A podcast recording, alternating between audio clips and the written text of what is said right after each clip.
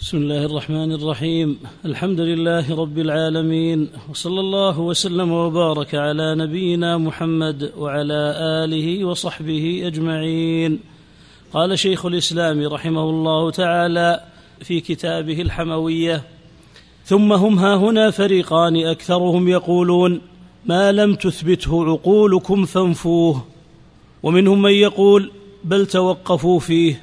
وما نفاه قياس عقولكم الذي أنتم فيه مختلفون مضطربون اختلافا مضطربون اختلافا أكثر من جميع اختلاف على وجه الأرض فانفوه وإليه التنازع فارجعوا فإنه الحق الذي تعبدتكم به. وما كان مذكورا في الكتاب والسنة مما يخالف قياسكم هذا أو يثبت ما لم تدركه عقولكم على طريقة أكثرهم فاعلموا أني أمتحنكم بتنزيله لا لتأخذوا الهدى منه لكن لتجتهدوا في تخريجه على شواذ اللغة ووحشي الألفاظ وغرائب الكلام وأن تسكتوا عنه مفوضين علمه إلى الله مع نفي دلالته على شيء من الصفات. هذا حقيقة الأمر على رأي هؤلاء المتكلمين. بسم الله الرحمن الرحيم. الحمد لله رب العالمين وصلى الله وسلم على نبينا محمد وعلى آله وصحبه أجمعين. أما بعد فلا يزال حديث شيخ الإسلام رحمه الله عن منهج النفاة في نفيهم للصفات. وهذا الكلام الذي مر هو من باب إلزامهم بما يقولون. فهذا لازم من لوازم أقوالهم بل سيبين بعد قليل أن بعضهم قد صرح بهذا.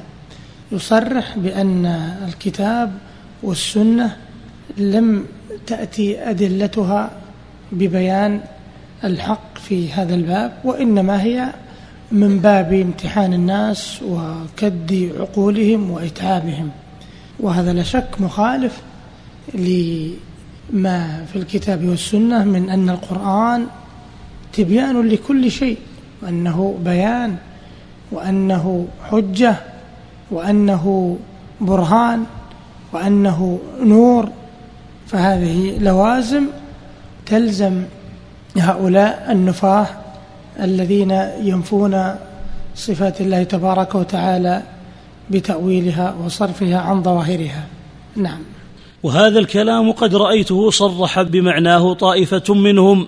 يعني طائفة من هؤلاء المتكلمين مثل ابن عقيل وأبو حامد الغزالي في أول عمره رحمهما الله.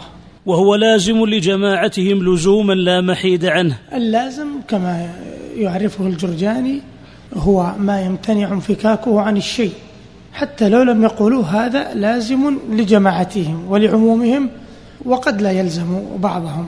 ومضمونه أن كتاب الله لا يهتدى به في معرفة الله وأن الرسول صلى الله عليه وسلم معزول عن التعليم والإخبار بصفات من أرسله. وأن الناس عند التنازع لا يردون ما تنازعوا فيه إلى الله والرسول بل إلى مثل ما كانوا عليه في الجاهلية وإلى مثل ما يتحاكم إليه من لا يؤمن بالأنبياء كالبراهمة والفلاسفة وهم المشركون والمجوس وبعض الصابئين. نعم. مر بنا الحديث عن البراهمة عند الحديث عن أتباع الهند والبراهمة كما مر في الدرس الماضي وهم الهندوس فهي تسمية من أسماء البراهمة يسمون بالبراهمة نسبة إلى براهما وبراهما كما يزعمون ويعتقدون أنه موجد العالم وهم يقولون بنوع من التثليث يقولون براهما هو موجد العالم ومشنو حافظ العالم وسيفا مهلك العالم هذا من عقائد البراهمة الهندوس. ويعتقدون أن هناك آلهة كثيرة أقل من هذا الإله المثلث. من تلك الآلهة عندهم مثلا إله النار يسمونه آجني وعندهم فايو إله الريح وعندهم إله المطر وإله الشمس وإله القمر وإله النبات إلى غير ذلك مما يقولون به. والهند من أكثر بلاد الدنيا آلهة تعبد من دون الله. والفلاسفة قد مر الحديث معهم. فيقول هؤلاء يعني المتكلمون يلزم أن يتحاكم الناس إلى غير الله تبارك وتعالى.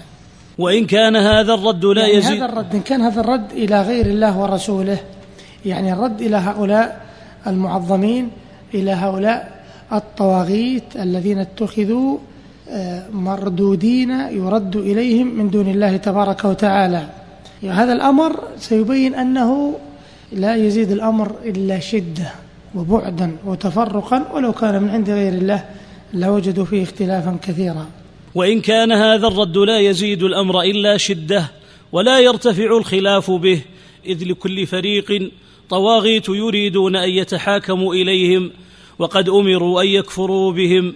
وما أشبه حال هؤلاء المتكلفين. يعني يقصد المتكلفين يقصد بهم المتكلمين.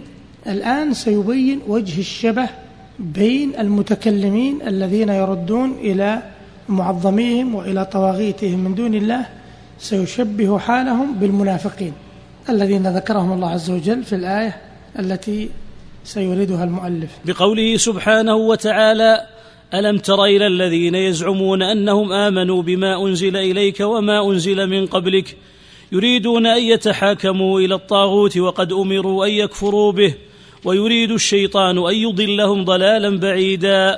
وإذا قيل لهم تعالوا إلى ما أنزل الله وإلى الرسول رأيت المنافقين يصدون عنك صدودا.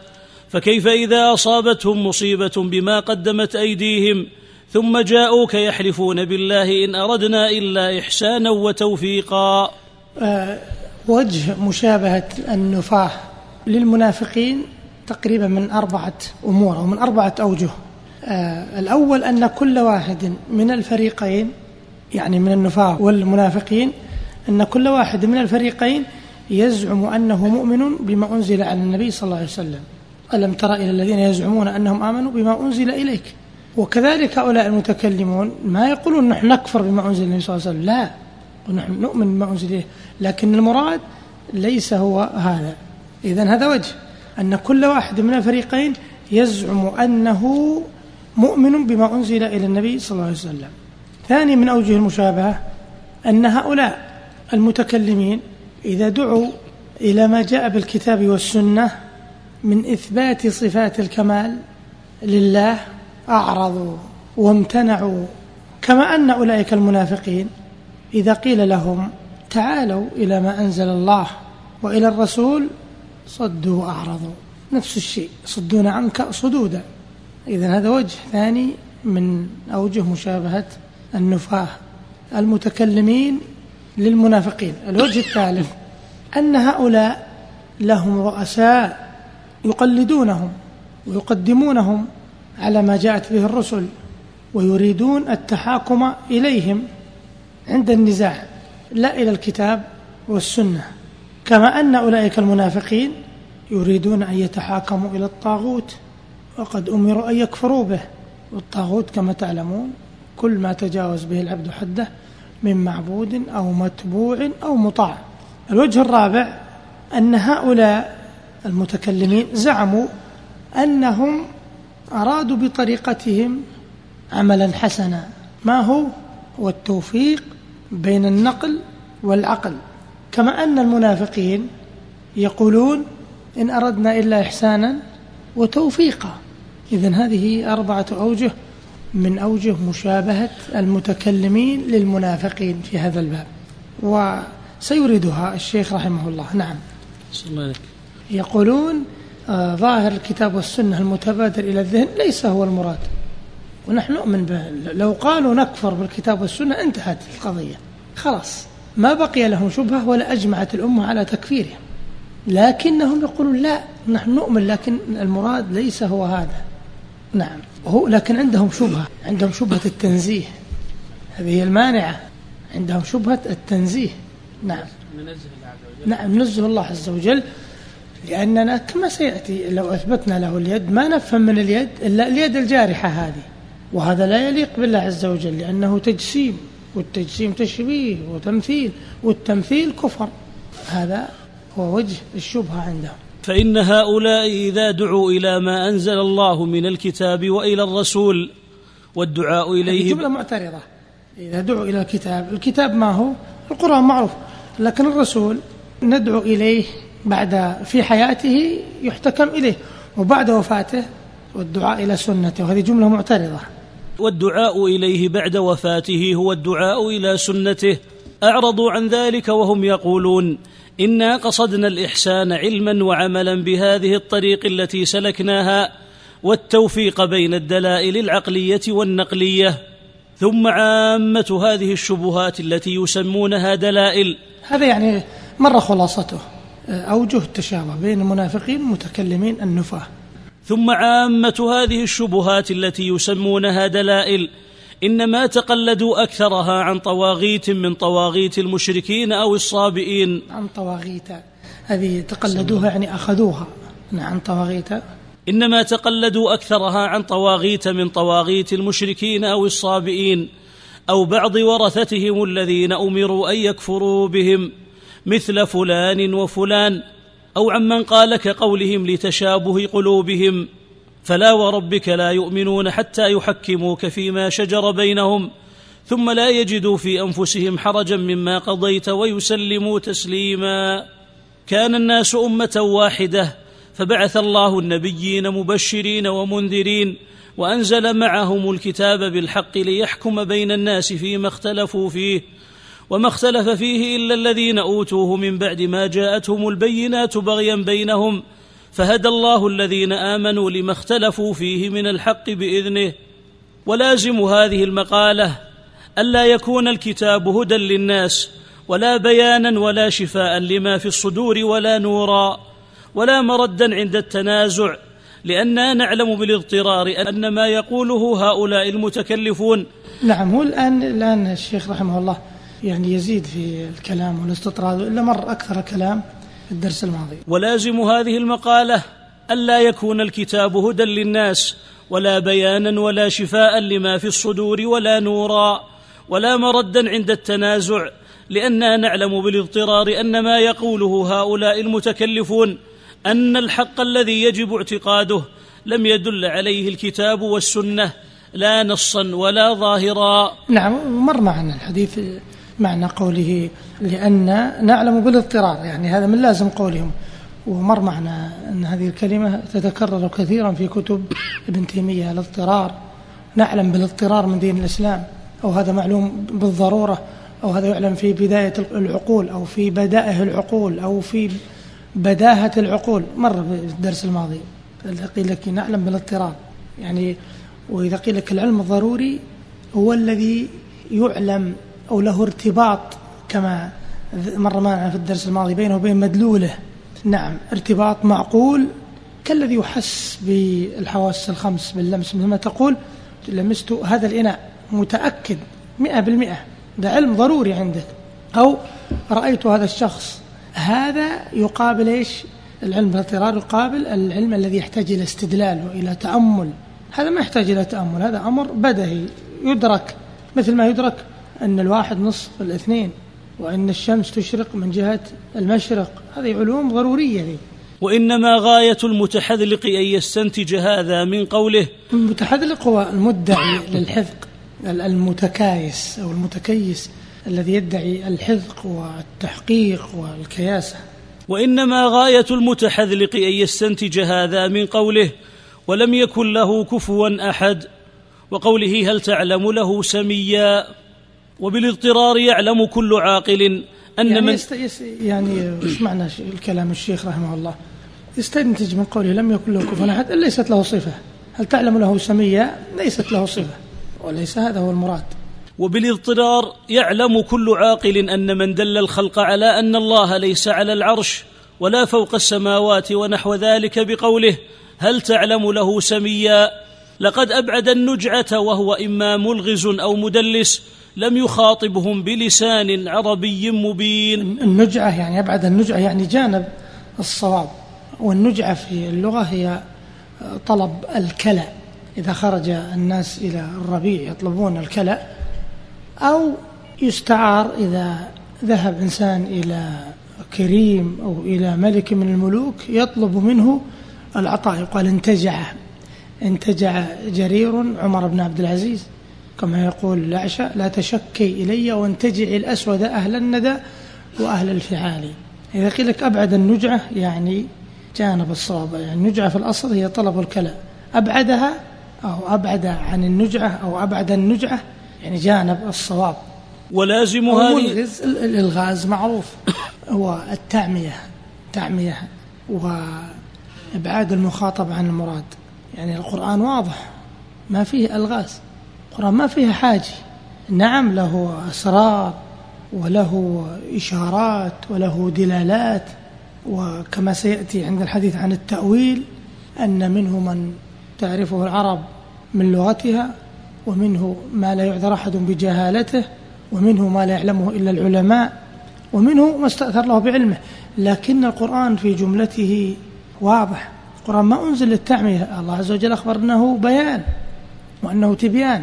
ما أنزل للإلغاز ولا للتعمية بالعكس كلام هؤلاء هو المليء يعني بالألغاز وربما لا يفهم. لو تعبد الناس به لكان هذا من الشطط كلام هؤلاء المتكلمين. ولازم هذه المقالة. مر معنا اللازم هو ما يمتنع انفكاكه عن الشيء. يقول يلزم من كذا كذا. ولازم هذه المقالة أن يكون ترك الناس بلا رسالة. خير لهم في أصل دينهم. خيرا ولا خير عندك؟ عندي خير ما في. عندك خير نعم. لا خيرا لأن خبر يكون. حتى أخطاء رعاك الله في الآيات بس. نعم. أقول حتى أخطاء في الآيات لكن هي طبعتك قديمة هذه. لكن نستفيد منها ربما يكون اختلاف الطبعات. الله عليك. ولازم هذه المقالة أن يكون ترك الناس بلا رسالة خيرا لهم في أصل دينهم لأن مردهم قبل الرسالة وبعدها واحد. وإنما الرسالة زادتهم عما وضلالا. هذه لوازم هذه باطلة. نعم. يا سبحان الله كيف لم يقل الرسول صلى الله عليه وسلم يوما من الدهر ولا أحد من سلف هذه الأمة؟ هذه الآيات والأحاديث لا تعتقدوا ما دلت عليه لكن اعتقدوا الذي تقتضيه مقاييسكم أو اعتقدوا كذا وكذا فإنه الحق وما خالف ظاهره فلا تعتقدوا ظاهره. وانظروا فيها فما وافق قياس عقولكم فاعتقدوه وما لا فتوقفوا فيه أو انفوه. وهم لم يتفقوا على شيء أصلا بينهم الاختلاف العظيم والتضليل فيما بينهم. ثم الرسول صلى الله عليه وسلم قد أخبر بأن أمته ستفترق ثلاثا وسبعين فرقة فقد علم ما سيكون ثم قال إني تارك فيكم ما إن تمسكتم به لن تضلوا. كتاب الله. وروي عنه صلى الله عليه وسلم أنه قال في صفة الفرقة الناجية هو من كان على مثل ما أنا عليه اليوم وأصحابي. فهلا قال من تمسك بظاهر القرآن في باب الاعتقاد فهو ضال. وإنما الهدى رجوعكم إلى مقاييس يقول لماذا لم يقل يعني النبي عليه الصلاة والسلام من تمسك بظاهر القرآن في باب الاعتقاد فهو ضال. قال من كان على مثل ما أنا عليه اليوم وأصحابي ومن يشاقق الرسول من بعد ما تبين له الهدى ويتبع غير سبيل المؤمنين نوليه ما تولى ونصله جهنم وساءت مصيرا وإنما الهدى رجوعكم إلى مقاييس عقولكم وما يحدثه المتكلمون منكم بعد القرون الثلاثة وإن كان قد نبغ أصلها في أواخر عصر التابعين. يعني نبغ أصل مقالة التعطيل. ثم أصل هذه المقالة مقالة يبدأ رحمه الله باستعراض تاريخي لأصل مقالة التعطيل وسيبين أنها طارئة على أمة الإسلام وأنها ليست من عند المسلمين بل غالبا تكون ليست من عند العرب. وهذا في كثير من الاعتقادات. مثلا أول شرك وقع في هذه الأمة في باب القدر. من أين أتى؟ من اتباع سنن من كان قبلنا. من رجل آه، كما يقول الإمام أهل الشام الأوزاعي رحمه الله كان بقالا اسمه سوسن وفي بعض الروايات سنسوي وفي بعضها سيسوي. وأول من قال أتى بمقالة القدر ثم أخذها عنه معبد الجهني وعن معبد غيلان الدمشقي ثم انتشرت وسرت هذه المقالة. حتى الإمام أحمد بن يحيى ثعلب رحمه الله يقول لا أعلم عربيا قدريا. ما في العرب كما ذكر ذكر عن اللالكائي في شرح أصول اعتقاد أهل السنة والجماعة ما في العرب إلا مثبت القدر خيره وشره. واستدل بكثير من أشعار العرب مثل ما يقول امرؤ القيس تجري المقادير على غرز الإبر ما تنفذ الإبرة إلا بقدر. كما يقول عمرو بن كلثوم وأن سوف تدركنا المنايا. مقدرة لنا ومقدرين إلى غير ذلك. فنفس الشيء هذه مقالة التعطيل إنما أتت من أهل الكتاب وبالذات من اليهود. قالت القدر أتت من النصارى وهذه أتت من عند اليهود كما سيأتي في هذا الاستعراض التاريخي. نعم. ثم أصل هذه المقالة مقالة التعطيل للصفات. إنما هو مأخوذ عن تلامذة اليهود والمشركين وضلال الصابئين فإن أول من حفظ عنه أنه قال هذه المقالة في الإسلام هو الجعد بن درهم. الجعد بن درهم آه، الخرساني من موالي يقال من موالي بني مروان وهو مؤدب مروان بن محمد آخر خلفاء الدولة الأموية ويلقب بمروان الحمار ويلقب بالجعدي نسبة إلى مؤدبه الجعد بن درهم.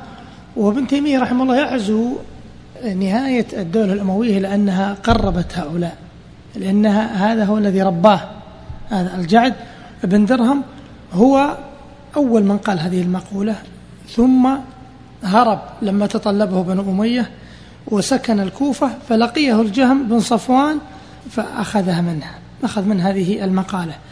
الجعد بن درهم أقوال يعني أهم آراء الجعد بن درهم قوله بخلق القرآن وهو أول من تكلم به بدمشق وهو أول من قال بالتعطيل أيضا. يعني أهم آراءه قوله بخلق القرآن ثانيها قوله بالتعطيل لأسماء الله وصفاته وهو أول من حفظ عنه ذلك. وثالثا قوله بالقدر فهو في القدر جبري مثل جهم بن صفوان ويرى أن الإنسان ليست له حرية ولا اختيار وإنما هو كالريشة في مهب الهواء وتنسب إليه الأفعال على سبيل المجاز مثل ما يقال آه، طلعت الشمس وتحرك الموج. هذه أهم آراء الجعد بن درهم وترجمته موجودة عندكم. نعم. الله عليك. وأخذها عنه الجهم بن صفوان. جهم بن صفوان السمرقندي وهو كأستاذه الجعد. أهم آراءه قوله بخلق القرآن ونفيه للرؤية وتعطيله للصفات. وقوله بقدر أيضا على مذهب الجبرية. نعم. وأظهرها فنسبت مقالة الجهمية إليه. نعم. هو الذي أظهرها هذا هو الذي ابتدعها وهذا هو الذي أظهرها. وقد قيل إن الجعد أخذ مقالته عن أبان بن سمعان. نعم. وأخذها أبان عن طالوت بن أخت لبيد بن الأعصم.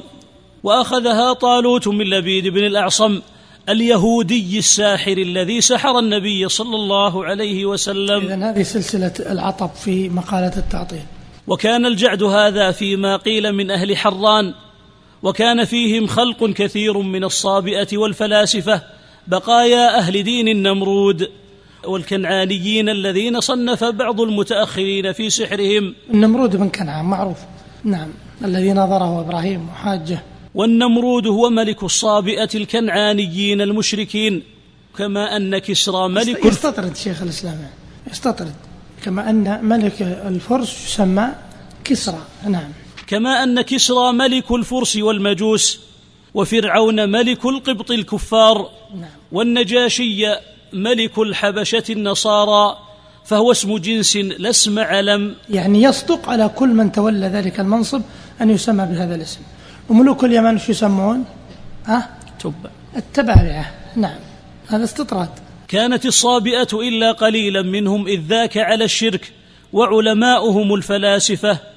وإن كان الصابئي قد لا يكون مشركا بل مؤمنا بالله واليوم الآخر.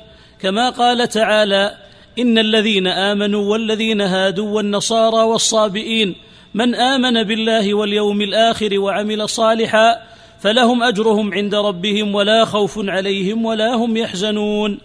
وقال تعالى إن الذين آمنوا والذين هادوا والصابئون والنصارى من آمن بالله واليوم الآخر وعمل صالحا فلا خوف عليهم ولا هم يحزنون. لكن كثيرا منهم أو أكثرهم كانوا كفارا أو مشركين كما أن كثيرا من اليهود والنصارى بدلوا وحرفوا وصاروا كفارا أو مشركين فأولئك الصابئون الذين كانوا إذ ذاك كانوا كفارا مشركين وكانوا يعبدون الكواكب ويبنون لها الهياكل. يعني الهياكل البيوت الكبيرة الضخمة المزخرفة التي تخصص للعبادة. ومذهب النفاة من هؤلاء في الرب أنه ليس له إلا صفات سلبية أو إضافية أو مركبة منها وهم الذين بعث إبراهيم الخليل صلى الله عليه وسلم إليهم فيكون الجعد أخذها عن الصابئة الفلاسفة. نعم يقول مذهب هؤلاء أنه ليست له يعني للرب إلا صفات سلبية أو إضافية أو مركبة منها. يعني لا يقولون بالصفات الثبوتية إنما يقولون بالسلبية أو الإضافية أو المركبة. ما معنى السلبية؟ وما معنى الإضافية وما معنى المركبة منهما. آه هذه الكلمة ترد كثيرا في كتب العقائد السلبية أو الإضافية والمركبة. والسلبية لها مفهومان. المفهوم الثاني وهو الذي يقوم به أهل السنة يأتينا بعد قليل. لكن ما معنى السلبية أو الإضافية؟ آه السلبية يعني كلمة السلبية من سلب الشيء سلبا. والسلب هو النفي. قال لك الثبوتية أحيانا يقولون الثبوتية والمنفية اللي هي السلبية. وهو بإدخال أحد أدوات النفي مثل لا وليس وما. إدخالها على القول بحيث تجعل معناه دالا على السلب أو النفي. طيب مثال ذلك قول النفاة في صفات الرب ليس بسميع ولا بصير ولا مستو على العرش. وقول غلاتهم لا موجود ولا معدوم ولا داخل العالم ولا خارجه. هذا هو السلب.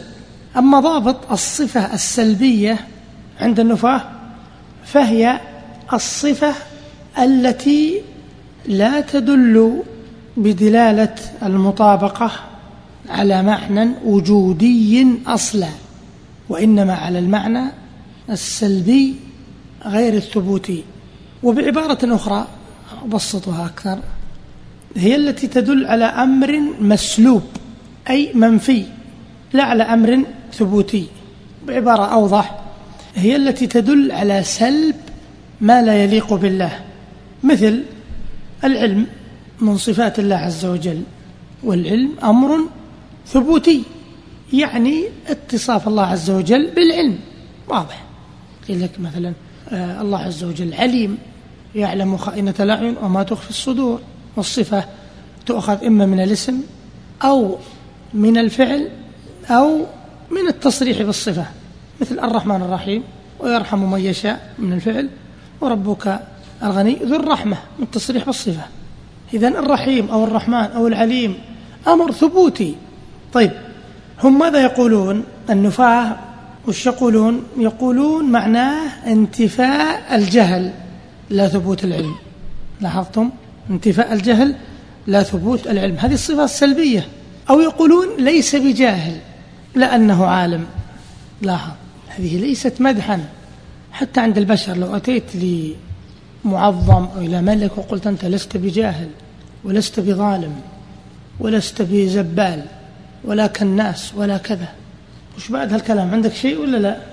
قلت ما عندي شيء. قال طيب ممكن يعطيك هدية من نوع آخر. ممكن يعطيها عشرين صوتا على ظهره. هذه ليست مدحا لأن النفي المحض ليس بكمال إلا إذا تضمن إثبات الضد مثل ما يستشهد العلماء بقول أحدهم ليسب قومه لكن قومي وإن كانوا ذوي عدد ليسوا من الشر في شيء وإن هانا. يقول قومي ليس فيهم شر. هل هو يمدحهم؟ لا يذمهم لأنهم ما يستطيعون. والدليل يقول لو كنت من مازن لم تستبح إبلي بن اللقيطة من ذهل بن شيبان إلى أن يقول فليت لي بهم قوما إذا ركبوا شنوا الإغارة فرسانا وركبانا. وكما قال الآخر يذم قوم قبيلة لا يغدرون بذمة ولا يظلمون الناس حبة خردل. يمدحهم؟ لا يسبهم لأنهم ما يستطيعون.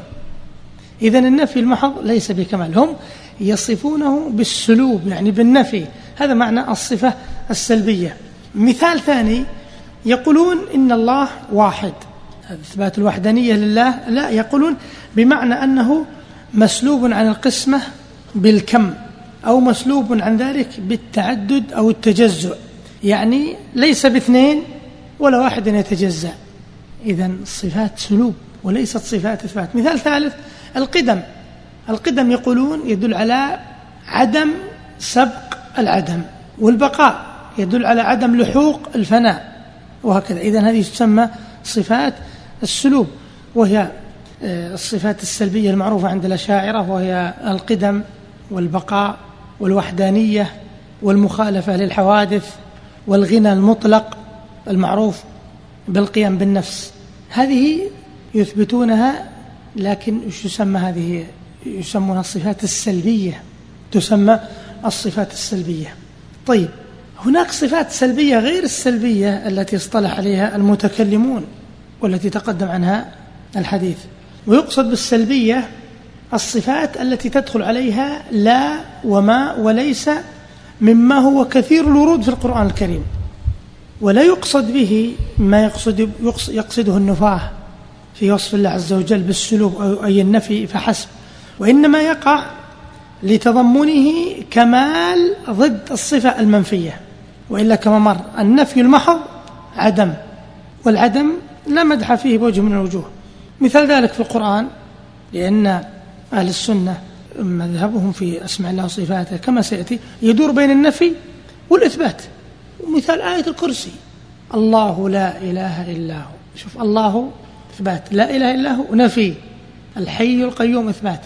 لا تأخذه سنة ولا نوم نفي.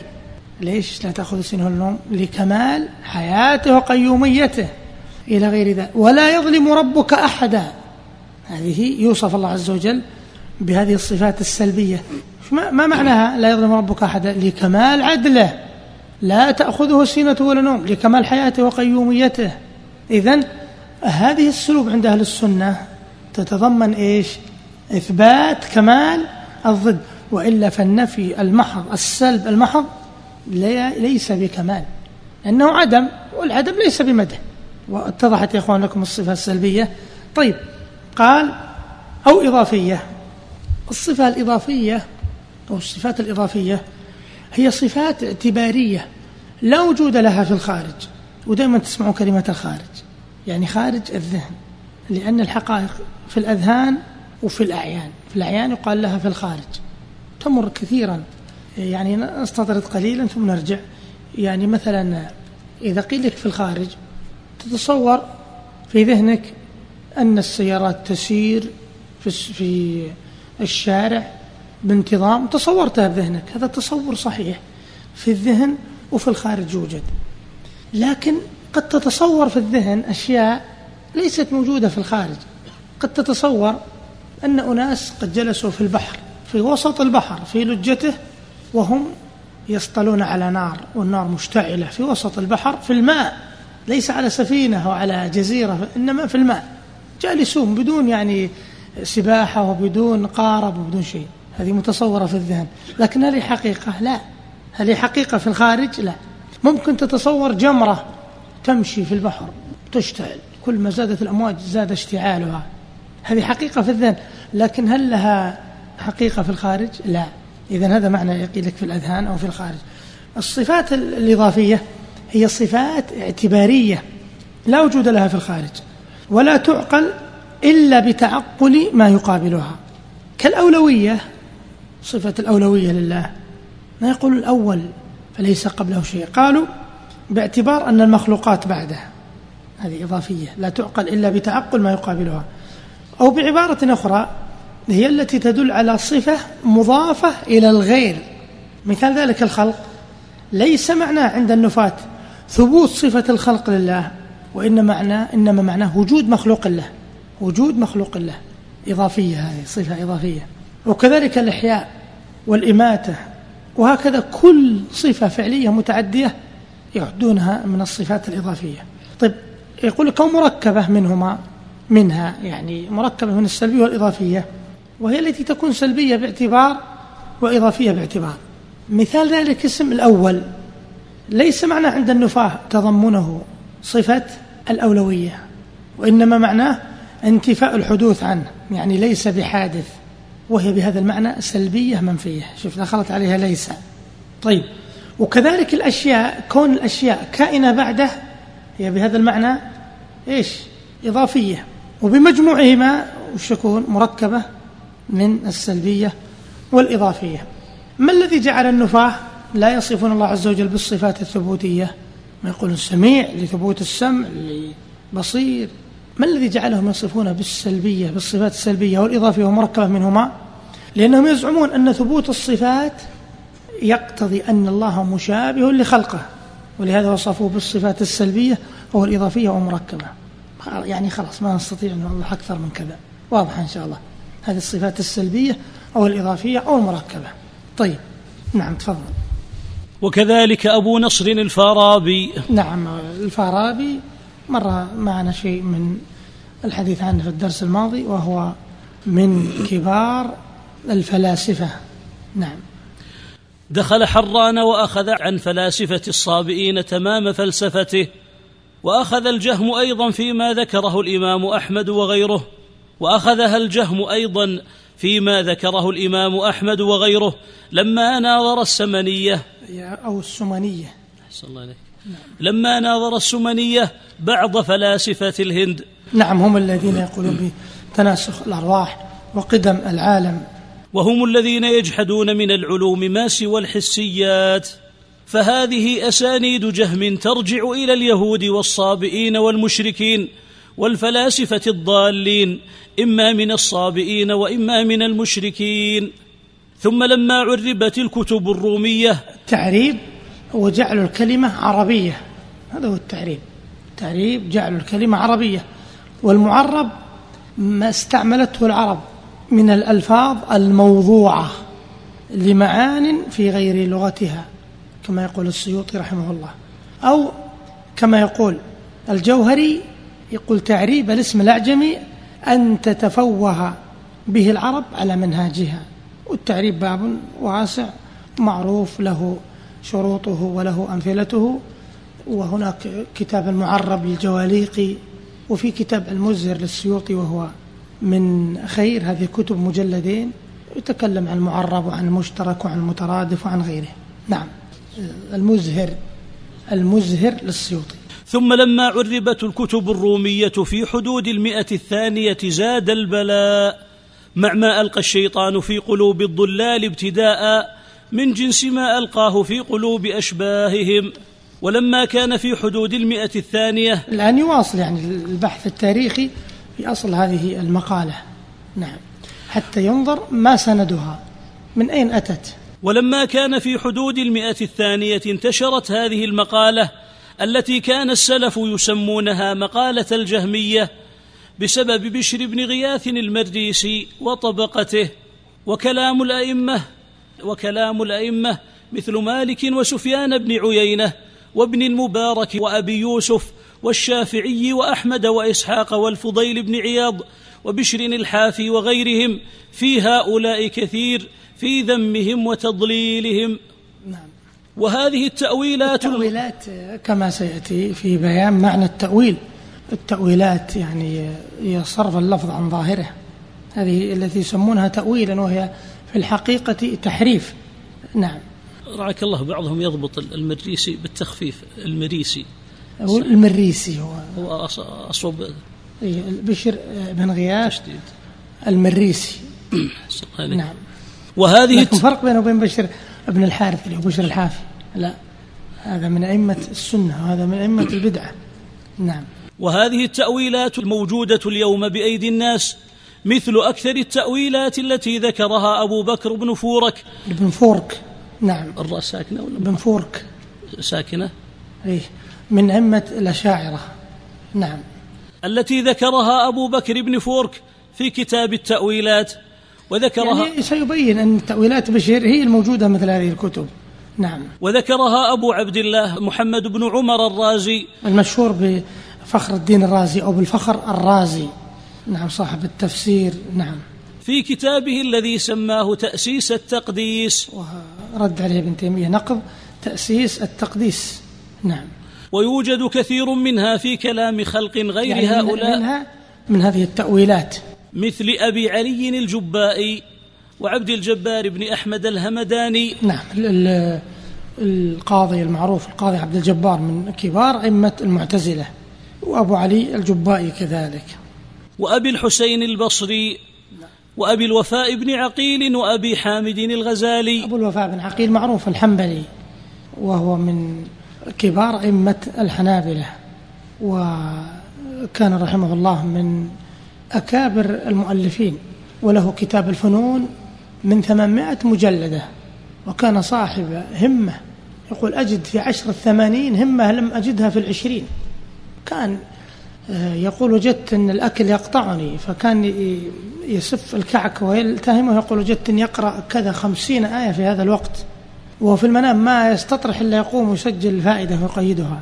هذا أبو الوفاء ابن عقيل الحنبلي وهو يعني قد يسميه بعض الحنابلة من الحنابلة العاقين فيه بعض العقوق لأصولهم لكنه من من كبار في الفقه من أكابر فقهائهم ولهذا ينقل عنه ابن تيمية وابن القيم وابن الجوزي. نعم.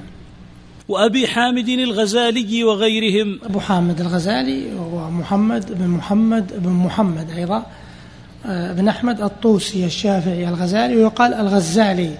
وكم من أذكياء العالم كما يقول ابن تيمية رحمه الله. نعم. هي بعينها التأويلات التي ذكرها بشر المريسي التي ذكرها في كتابه. وإن كان قد يوجد في كلام بعض هؤلاء رد التأويل وإبطاله أيضا ولهم كلام حسن في أشياء. هذا عدل واعتراف.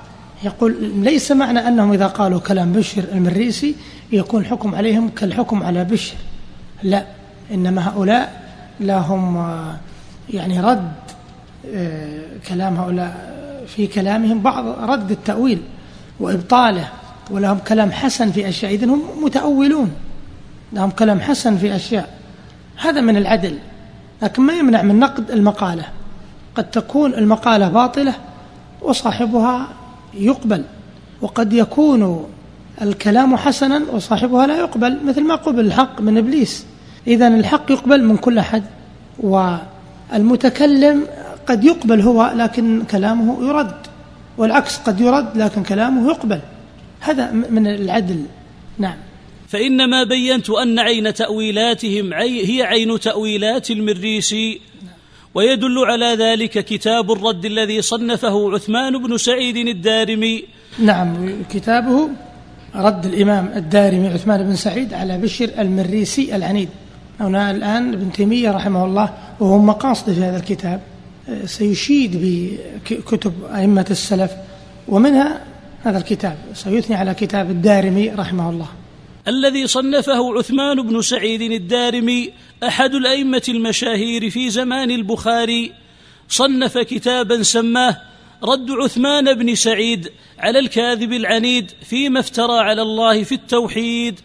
نعم يعني طبع عدة طبعات آه، باسم رد الإمام الدارمي عثمان بن سعيد على بشر المريسي العنيد. حكى فيه هذه التأويلات بأعيانها عن بشر المريسي بكلام يقتضي أن المريسي أقعد بها وأعلم بالمنقول والمعقول من هؤلاء المتأخرين الذين اتصلت إليهم من جهته. يا ما معنى كلامه؟ أن بشرا المريسي أقعد بها وأعلم بالمنقول والمعقول من هؤلاء المتأخرين.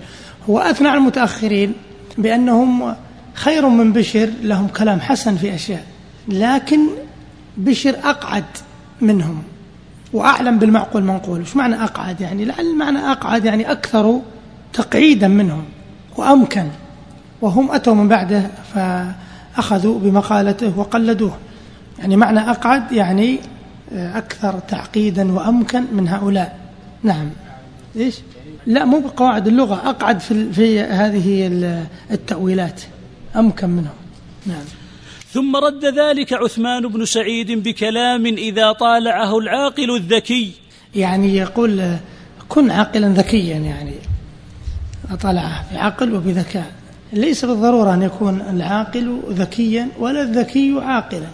قد يكون إنسان ذكيا كأنه ليس بعاقل. اللص ذكي كأنه ليس بعاقل. لو كان عاقل لم يسرق. والعاقل هو الذي يحجزه عقله عن التورط في المهالك.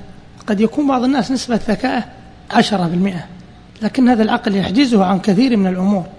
إذا ليس هناك ارتباط على كل حال بين العقل والذكاء لكن إذا اجتمع ذكاء وعقل فنور على نور.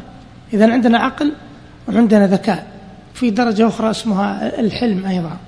تذكرون أظن في العام الماضي سألناكم أيهما أحسن العلم الحلم أو العقل؟ تذكرونها ولا لا؟ الحلم أو العقل.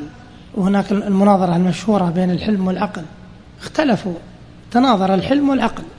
مناظرة مشهورة نظمها بعضهم بقوله حلم الحليم وعقل العاقل اختلفا.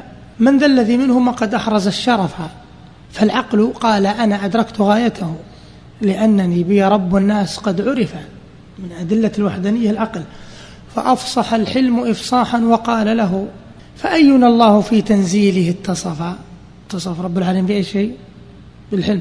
فأدرك العقل أن الحلم سيده فقبل العقل رأس الحلم وانصرف. يقول علماء الحلم عقل خاص أرفع من كون الإنسان عاقلا أن يكون حليما. نعم طيب. ثم رد ذلك عثمان بن سعيد. ذلك؟ طبعا عندنا ما في ذلك. ظن رد ذلك عثمان بن سعيد بكلام إذا طالعه العاقل الذكي. علم حقيقة ما كان عليه السلف وتبين له ظهور الحجة لطريقهم وضعف حجة من خالفهم.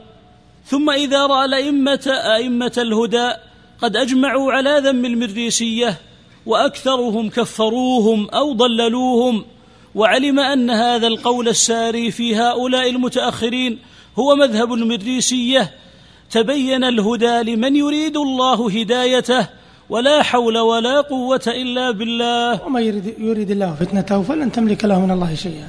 والفتوى لا تحتمل البسط في هذا الباب وإنما نشير إشارة إلى مبادئ الأمور والعاقل يسير فينظر. يسير. يسير؟ يسير فينظر. الله عليك. نعم. العاقل وال... يسير. والعاقل يسير فينظر. طيب نقف قليلا. صلى الله عليك نعم عند هذا المقطع. تم تنزيل هذه المادة. من موقع نداء الإسلام www.islam-call.com